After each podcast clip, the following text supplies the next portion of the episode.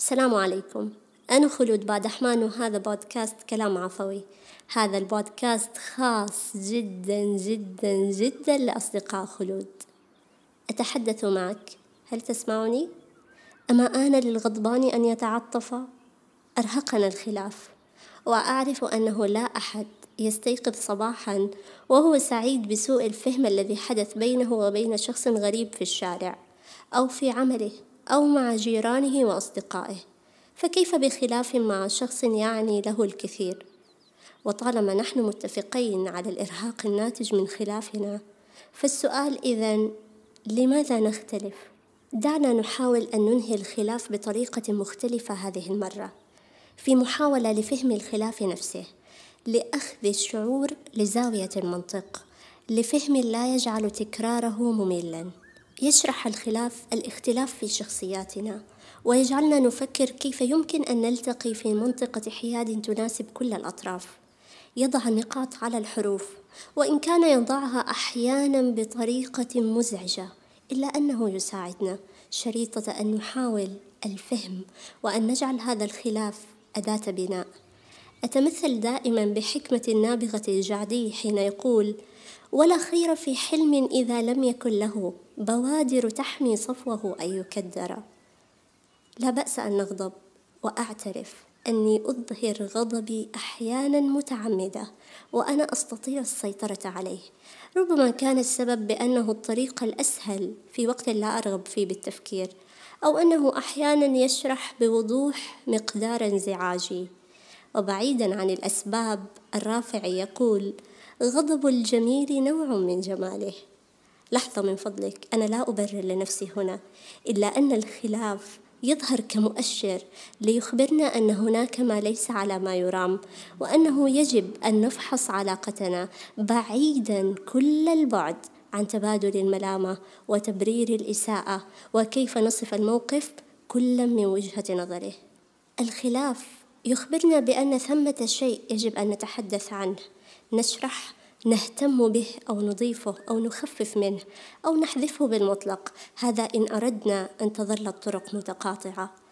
الخلاف يساعدنا في فهم أنفسنا ففي ساعات الرضا لا تظهر شخصياتنا واضحة ولكن حين نغضب نعرف بعضنا بشكل جيد. نعرف سلبياتنا وكيف نعالجها. نعرف أهم قيمنا وقيم الطرف الآخر. ما هي خطوطه الحمراء وخطوطنا كذلك؟ كي لا يتم تجاوزها. نعرف مدى تعصبنا لآرائنا مرونتنا طرق تعبيرنا عن غضبنا مدى نضجنا اندفاعنا وكيف هي حلولنا للمواقف ومدى إنصافنا للآخر من أنفسنا.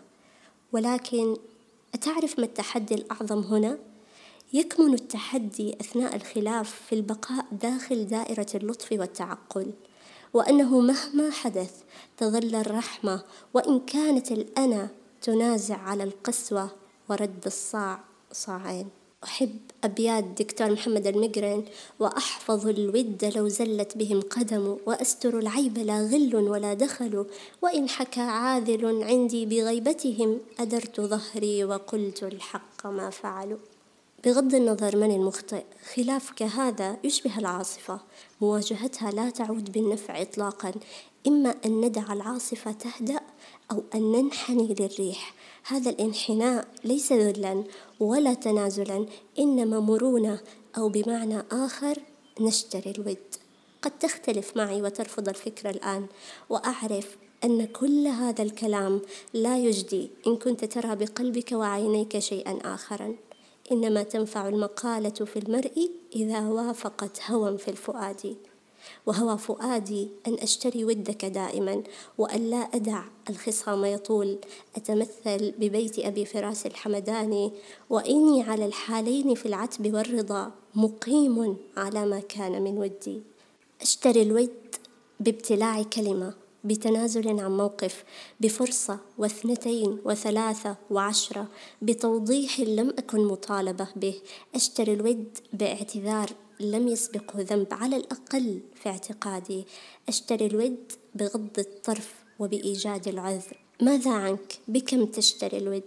لا شيء يستحق أن نغلق أبوابنا أمام ذنوب تغتفر أو أمام الذين جاءوا معتذرين بصدق لأنه في كل علاقة تتصدع الجميع يخسر ولا ندرك حجم الخسارات إلا بتواليها حين يترك الأمر ندبة يصعب علاجها. لا مفر من الخسارات قد تحتاج أن تخسر لتكسب أشياء وأشياء أكثر. ولكن دائما حاول أن تخرج بأقل الخسائر الممكنة. في الخلافات ستعرف أي نزعة ستفوز بداخلك. نزعة تأنيب الضمير التي تقتضي أن نغفر ونجدد ودنا أو نزعة الكرامة والأنا التي لا وجود لها بين المحبين أو على الأقل بين الطيبين.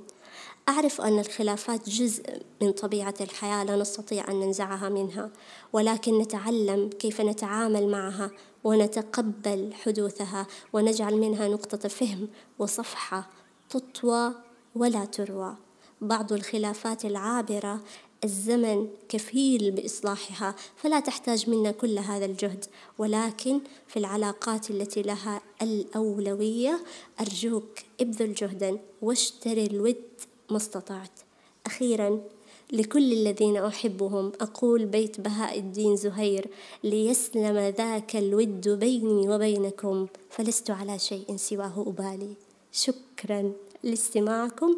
لا تنسوا مشاركة الحلقة مع الناس اللي تحبوهم بس اللي تحبوهم ونلتقي بإذن الله تعالى في حلقات قادمة.